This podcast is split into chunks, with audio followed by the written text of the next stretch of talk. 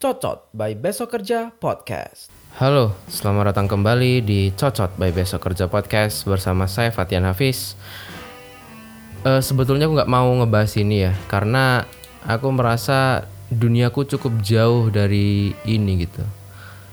Sampai akhirnya beberapa hari yang lalu aku melihat eh, sangat panjang antrian ibu-ibu di Alfamart sedang berebut minyak goreng ya ampun.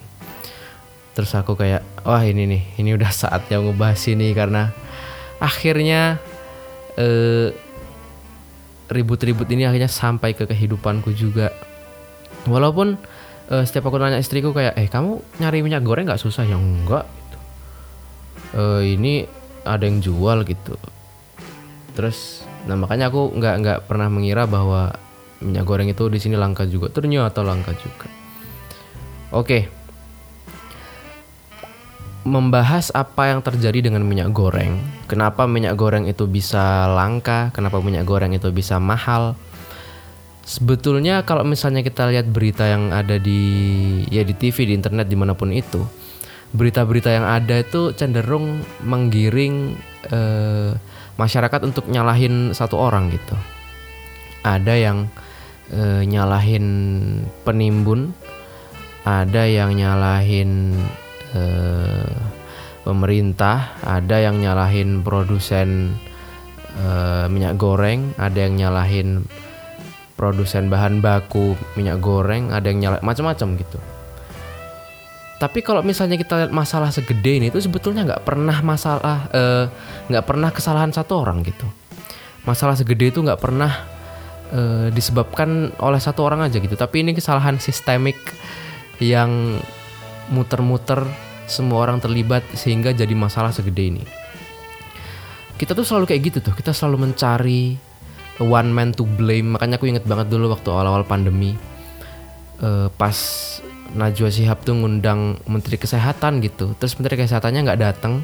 Akhirnya dia bikin gimmick wawancara dengan kursi kosong. Ingat nggak? Ingat nggak? Ingat kan? Jadi dia kayak gimmick wawancara kursi kosong gitu menanyakan e, bagaimana penanganan pandemi di negara ini gitu kayak dan orang-orang kayak eh nganggap Najwa Shihab keren banget gitu dengan melakukan itu. So kayak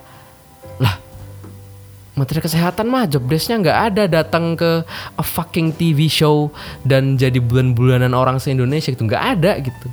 Datang atau tidak tuh haknya Menteri Kesehatan gitu. Dan dia nggak ada nggak ada kepentingan sama sekali buat hadir ke talk show demi kepentingan rating TV-nya dan akhirnya disalahin sama orang se-Indonesia gitu. Jadi kalau misalnya aku jadi Menteri Kesehatan pada saat itu aku pun nggak akan datang. Dan dan bodoh gitu kayak pandemi serumit itu dan kita nyari satu orang buat disalahin yaitu Menteri Kesehatan itu enggak itu tolol gitu. Kenapa? Karena semua orang salah.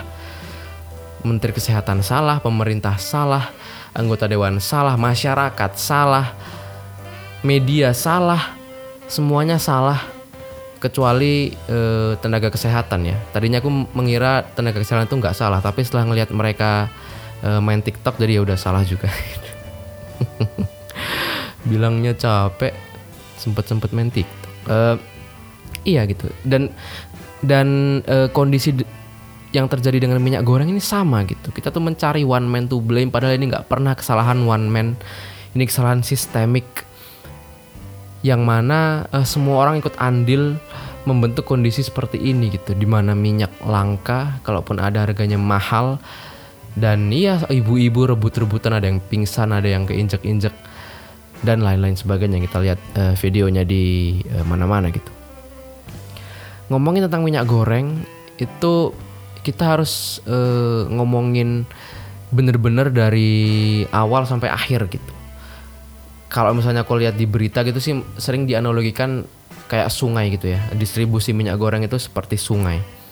Jadi dari hulu ke hilir gitu. Gimana eh, dari hulu awalnya sampai ke hilir yaitu masyarakat menerima minyak goreng gitu mari kita breakdown satu-satu sebetulnya kenapa ini kesalahan sistemik oke kita bahas dulu dari awal dari dari hulu Oke. Mari kita bahas dulu tentang eh, eh, kedudukan minyak goreng sebagai komoditas gitu.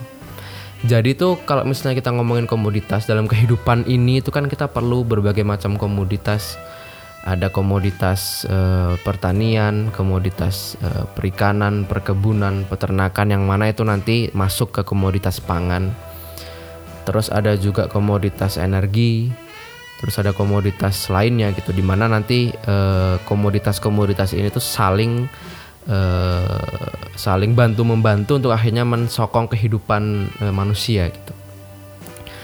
Nah, dan bahan baku minyak goreng yaitu eh, palm oil atau CPO, C-nya apa ya? Crude crude palm oil atau CPO.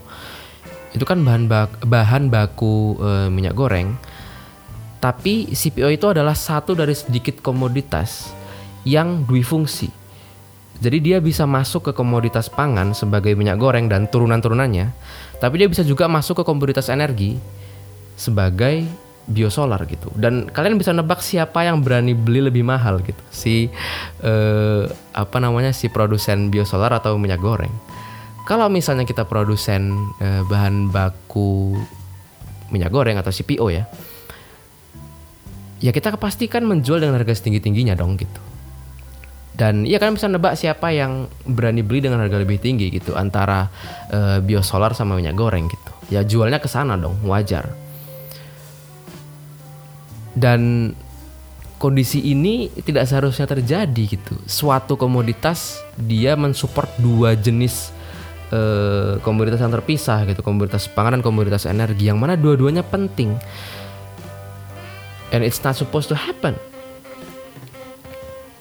Makanya kalau misalnya kita lihat di negara-negara lain ya, negara-negara maju, mereka juga ada tuh eh, apa namanya, terutama negara-negara yang yang nggak punya eh, sumber daya sekaya Indonesia ya, mereka yang nggak punya perkebunan sawit gitu. Nah mereka kan beli tuh, beli eh, minyak sawit, terus eh, ada yang diolah jadi minyak goreng. Nah tapi minyak yang mereka olah jadi eh, biodiesel atau biosolar itu tuh berasal dari minyak bekas gitu, minyak minyak goreng atau minyak jelantah atau minyak bekas itu akhirnya diolah sedemikian rupa jadi biosolar gitu. Jadi CPO murni tidak pernah eh, cross kepentingan gitu, antara harus memenuhi komoditas pangan atau komoditas energi. Jadi patut dipertanyakan tuh kenapa eh, biodiesel itu harus pakai CPO murni dengan jumlah segede itu. Kalaupun perlu CPO murni, itu tuh harusnya eh, bisa di mix dengan CPO eh, dengan minyak bekas tuh, yang mana nanti bisa jadi eh, biosolar. Kenapa? Karena untuk membuat minyak goreng lo nggak bisa pakai daur ulang, nggak bisa. Itu harus eh, CPO murni, sedangkan biosolar itu ada banyak cara tuh. Salah satunya dengan mem- memanfaatkan minyak bekas. Nah dan ini terjadi tuh. Makanya ketika dulu awal-awal terjadinya eh, krisis minyak goreng orang kan menyalahkan kayak oh ini berarti bahan bakunya kurang gitu. Setelah dicek bahan bakunya nggak kurang gitu. Cuman ke mana larinya? Larinya ke bio, biodiesel atau biosolar gitu. Itu yang terjadi di hulu. Nah terus eh, kita turun eh, bagaimana distribusi di sungai itu terjadi gitu ya kalau misalnya pemerintah ditanya gitu ya eh, kenapa minyak goreng langka gitu? Pemerintah jawabnya pasti minyak goreng itu nggak langka. Nggak langka. Yang langka itu minyak goreng yang murah gitu. Minyak goreng dengan harga eceran yang sudah ditentukan pemerintah itu yang langka. Tapi kalau minyak goreng harga normal eh, itu nggak nggak langka ada di mana-mana gitu. Nah sekarang pertanyaannya adalah kenapa eh, pernah terjadi atau sempat terjadi kekosongan stok minyak goreng di pasar-pasar gitu atau di eh, minimarket minimarket atau di mana pun itu. Orang-orang kan berasumsi bahwa oh ini ada penimbun gitu. Tapi sekarang kita kita cross check dulu gitu. Sebetulnya eh, kalau misalnya pemerintah mau konfirmasi bahwa iya kita supply kita nggak berkurang kok supply kita tuh bahkan dua kali lipat dari kebutuhan eh, normal eh, pada umumnya gitu. Jadi dikali dua tuh. Tapi kenapa nggak sampai ke masyarakat gitu kan? Kita harus cek dulu gitu. Dulu waktu eh, apa namanya waktu harga minyak eh, tinggi gitu ya. Kan penjual-penjual minyak goreng ya, pedagang-pedagang kan eh, mereka beli tuh, beli dengan jumlah besar untuk kemudian dijual lagi dengan harga katakanlah ya. Pada saat itu harganya eh, 20.000, oke. Mereka beli dengan harga 20.000 Nah, terus mereka siap jual nih, mereka taruh di pasar-pasar, mereka taruh di toko-toko untuk untuk eh, dijual ke masyarakat. Sampai kemudian tiba-tiba pemerintah ngeluarin aturan harga eceran yaitu 14.000 gitu. Atau 14.500 lupa. Nah, orang yang tadinya udah telanjur beli dengan harga 20.000 kan nggak mungkin mau ngejual dengan harga 14.000. Makanya akhir- akhirnya mereka tarik semua stoknya, mereka simpen di gudang, mereka keep gitu sampai akhirnya mereka menemukan waktu yang tepat untuk ngejual itu dengan tidak rugi gitu. Apakah itu wajar untuk dilakukan? Iya, seperti halnya tadi eh, apa namanya penjual CPO mencari harga tertinggi untuk dapat keuntungan yang besar-besarnya. Ya, gimana namanya orang jualan ya gitu gitu. Ini juga sama tuh, dia beli dan harus ngejual dengan harga lebih murah. Ngapain dia jualan gitu? Mending gak usah jualan. Akhirnya dia keep dan akhirnya di pasar-pasar dan di toko-toko kosong minyak goreng nggak ada. Nah, yang harusnya dilakukan adalah pemerintah itu bypass aja gitu. Mereka bypass, eh, mereka beli dari eh, pabrik gitu ya. Mereka beli dari pabrik dengan harga yang segitu, terus akhirnya dijual ke masyarakat dengan harga eceran yang mereka tentukan gitu ya, 14.000 Nanti eh, gapnya itu disubsidi gapnya disubsidi sehingga eh, sehingga masyarakat itu tetap bisa beli dengan harga eh, yang murah gitu. Dan kalau nggak salah itu sempat diberlakukan juga, tapi akhirnya skemanya sekarang berubah. Skemanya sekarang berubah. Jadi pemerintah itu masih masih ngekat eh, ngekat step distribusinya. Jadi eh, apa namanya dari pabrik ke distributor 1 2 3 4 5 sampai ke penjual sampai ke ke masyarakat itu tuh dipotong. Aku nggak tahu detailnya seperti apa. Tapi pemerintah itu eh apa namanya me- ya mereka ngekat jalur distribusinya lah gitu supaya nggak ada kenaikan harga dari satu distributor ke distributor bawahnya ke distributor bawahnya gitu. Nah mereka tuh menerapkan untuk eh, menanggulangi tadi ya masalah yang sempat kita eh, bahas di hulu tadi. Jadi mereka menerapkan sistem DMO gitu. DMO apa ya panjangnya? Domestic Market Obligation, Domestic Market Obligation atau DMO. Apa itu DMO? DMO itu jadi adalah suatu sistem yang mengharuskan eksportir untuk menjual CPO-nya ke domestik dengan presentasi tertentu dari jumlah total yang dia jual. Misalnya eh, DMO 20% gitu. Jadi 80% mereka boleh ekspor dengan harga CPO internasional yang tinggi itu ya. Tapi 20%-nya mereka harus jual ke domestik dengan eh, harga yang eh, di bawahnya gitu. Untuk apa? Untuk akhirnya didistribusikan ke produsen minyak goreng. Kalau nggak salah itu 20% tapi mau dinaikkan ke 30%. Menurutku itu kurang. Menurutku kurang.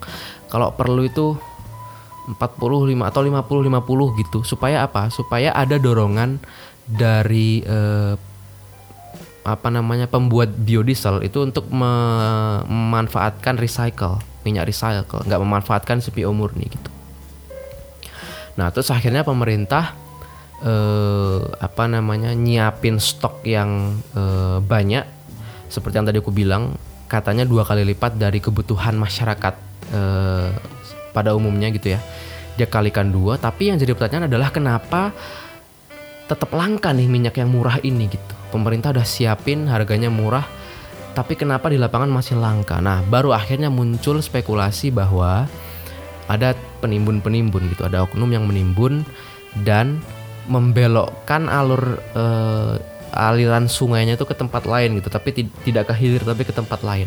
Entah itu dibendung di suatu tempat atau dibelokkan ke suatu tempat gitu. Suspeknya ada yang eh, bilang bahwa eh yap ada penimbun yang menimbun minyak murah di gudangnya terus kemudian dijual dengan harga yang sedikit lebih tinggi tapi dia jadi dapat untung sebesar besarnya lalu ada juga uh, uh, suspek bahwa minyak itu tuh dibelokkan ke pro, ke industri. Minyak murah tapi dibelokin ke industri. Jadi ada industri yang memanfaatkan minyak goreng murah untuk bahan baku dia gitu. Harusnya kan dia pakai bahan baku yang harga normal ya minyak goreng yang harga normal gitu. Tapi ada oknum yang ngebelokin ke sana. Dan aku juga nggak tahu ya apa emang ada industri apa yang perlu minyak goreng sebesar itu gitu? Apa ya? Pabrik kerupuk atau apalah gitu. Tapi ya gitu itu adalah spekulasinya gitu. Dan menurutku ya kalau misalnya e, pemerintah buat skema seperti ini ya pasti akan ada penimbun gitu. Penimbun itu ada karena dikasih kesempatan gitu. Kalau misalnya nggak dikasih kesempatan mah nggak ada penimbun. Karena kesempatannya ada oknum pasti ada gitu. Di mana pun itu pasti ada. Jadi kalau misalnya sekarang pemerintah uh, nyalahin kayak iya ini uh, semua salah penimbun. Uh, ya sebetulnya penimbun itu ada karena sistem Anda memberi kesempatan gitu. Kalau sistem Anda tidak memberi kesempatan, penimbun nggak ada. Jadi kalau misalnya pemerintah uh, mencoba menyelesaikan masalah ini dengan memburu penimbun, itu sama dengan uh, apa? Dulu aku pernah ngasih analogi gini juga. Jadi bayangin di rumah kalian tuh ada genteng bocor gitu ya Nah, solusinya itu adalah kalian ngasih ember di lantai gitu. Ya itu solusi selama 5 menit habis itu embernya penuh dan tumpah gitu. Nggak gitu nyelesain masalah tuh nggak gitu. Kalian cari, loh kenapa ya ada air uh, netes-netes dari atas gitu. Oh, ternyata uh, ada genteng bocor gitu. Oh, kenapa ya ada genteng bocor? Oh, ternyata ada kejatuhan uh, sesuatu dari atas gitu. Apa tuh kejatuhan apa tuh? Oh, ternyata ada ranting pohon. Ada ranting pohon yang ketinggian Oh berarti gimana caranya supaya tidak ada air netes-netes lagi ke dalam rumah yaitu adalah tebang pohonnya pastiin di atas genteng itu nggak ada benda-benda aneh sehingga itu nggak kejadian lagi itu sebenarnya gentengnya dan itu solusi permanen gitu. Kalau misalnya memburu penimbun mah penimbunnya ketemu besok ada penimbun yang baru lagi gitu nggak nggak bisa nggak gitu nyelesain masalah itu. Anda itu harus belajar why why analysis gitu harus mencari akar masalah itu ke penyebab akarnya gitu bukan ke penyebab yang kelihatan di depan mata gitu. Karena masalah seperti ini tuh nggak pernah sesederhana itu. Itu e, selalu problem sistematik gitu. Oke. Terus abis itu e, dari distribusinya terus ke e, ke hilir gitu ke masyarakat gitu. Di mana e, masyarakat itu tetap e, apa namanya tetap susah mendapatkan uh, minyak goreng gitu. Yang uh, harga murah. Sebetulnya kan uh, menurutku ya uh, adanya fungsi CPO sebagai uh, supply di komoditas pangan dan energi ini kan udah lama banget kan pasti udah berjalan dari dulu gitu. Tapi karena kita kemarin sempat pandemi dan apa akhirnya usaha-usaha dan ekonomi masyarakat itu menurun jadi nggak kerasa nih situasi ini gitu. Baru belakangan ini pandemi membaik, terus akhirnya eh, ekonomi mulai mem membaik, terus masyarakat mulai usaha-usaha lagi, bisnis-bisnis mulai berjalan. Baru akhirnya semua orang nyari minyak goreng dan baru kerasa tuh bahwa ternyata minyak goreng itu eh, harganya tinggi dan langka gitu. Jadi sebetulnya ini eh, dipicu oleh timing juga sebetulnya. Dipicu oleh uh, timing dari pandemi yang membaik gitu. Baru akhirnya ketahuan masalah ini. Sebenarnya udah lama gitu udah lama. Tapi baru ketahuan sekarang. Dan kalau misalnya masalah ini tidak segera diselesaikan bentar lagi tuh uh, bulan puasa bentar lagi hari raya misalnya ini masalah nggak selesai mampus kita semua uh, mau nyari gorengan buat buka puasa susah mau nyari masakan-masakan. Hari raya mau bikin opor ayam susah. Eh karena langka. Dan apa ya dan menurutku ya kondisi kayak gini tuh jangan jangan kejadian nanti pas pas uh, bulan puasa dan hari raya gitu. Karena kemarin istriku tuh sempet nanya gini kayak loh kalau misalnya uh, minyak goreng langka mah ya nggak usah pakai minyak goreng gitu. Kan bisa pakai minyak nggak bukan masalah gitu. Masa tukang gorengan nggak pakai minyak goreng harus apa? Kan dia yang masalah itu sebetulnya adalah pedagang-pedagang dan eh, wirausahawan gitu. Kan dia harus menggunakan minyak goreng itu sebagai eh, bahan baku jualannya itu yang bikin masalah. Kalau kita nggak banyak yang jualan mah ya udah diet aja semua masyarakat gitu. Gak usah konsumsi minyak goreng selesai masalah gitu. Tapi kan eh, kita banyak orang yang jualan yang harus eh, apa namanya bikin eh, masakan banyak yang bisnis kuliner dan sebagainya gitu. Itu yang masalah tuh. Kalau misalnya dia harus membeli minyak goreng dengan harga yang tinggi kan dia harus bayangin juga kayak harga jualnya harus dia naikin profitnya harus diturunin gimana nih? Kita udah lama nggak jualan gitu pandemi sekarang giliran jualan malah harus nurunin harga gitu. Nggak nggak bisa gitu susah itu ya. Jadi sebetulnya apa yang terjadi eh, dengan kondisi minyak goreng ini adalah kesalahan sistemik. Nggak bisa kita nyalahin eh, satu orang nyalahin penimbun doang nggak bisa. Nyalahin eh, produsen CPO doang nggak bisa nyalahin pabrik minyak goreng doang nggak bisa. Nyalahin pemerintah doang nggak bisa salah semuanya. Tapi menurutku ya kalau misalnya kita mencari akar masalah ya menurutku ya itu gitu bahwa tidak seharusnya sebuah eh, komoditas utama ya di Indonesia ini ya salah satunya yaitu adalah eh, minyak sawit gitu atau palm oil itu dia harus bertanggung jawab terhadap dua komoditas yaitu komoditas pangan dan energi. Nggak bisa tuh tetap sandang pangan papan tuh nomor satu gitu. Masyarakat tuh harus makan harus harus aman gitu untuk dia konsumsi. Kalau energi masih ada eh, minyak bekas yang bisa di recycle gitu. Cuman masalahnya memang secara proses lebih sulit dan memang tidak menguntungkan bagi banyak pihak gitu. Kalau sekarang kan mereka beli eh, palm oil murni terus akhirnya diolah jadi eh, biosolar akhirnya dijual tetap murah disubsidi pemerintah gitu. Jadi banyak orang yang diuntungkan. Ya ya sebetulnya itu akar masalahnya. Tapi seberani apa pemerintah itu buat eh, melawan itu semua gitu? Entah cara dengan cara mengendalikan DMO tadi naikin persentasenya sampai berapa atau dengan cara yang lain gitu kita tunggu aja. Tapi sebagai ancang-ancang untuk bulan puasa dan hari raya udahlah. Kurangi konsumsi minyak goreng dietlah anda semua. Kurangi makan gorengan. Bukan demi kolesterol tapi demi biar nggak usah antri minyak goreng.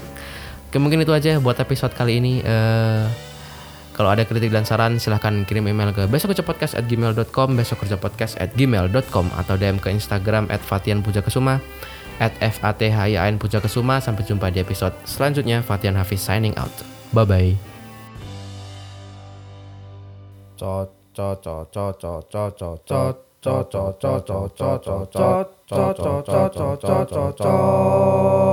Cocot by Besok Kerja Podcast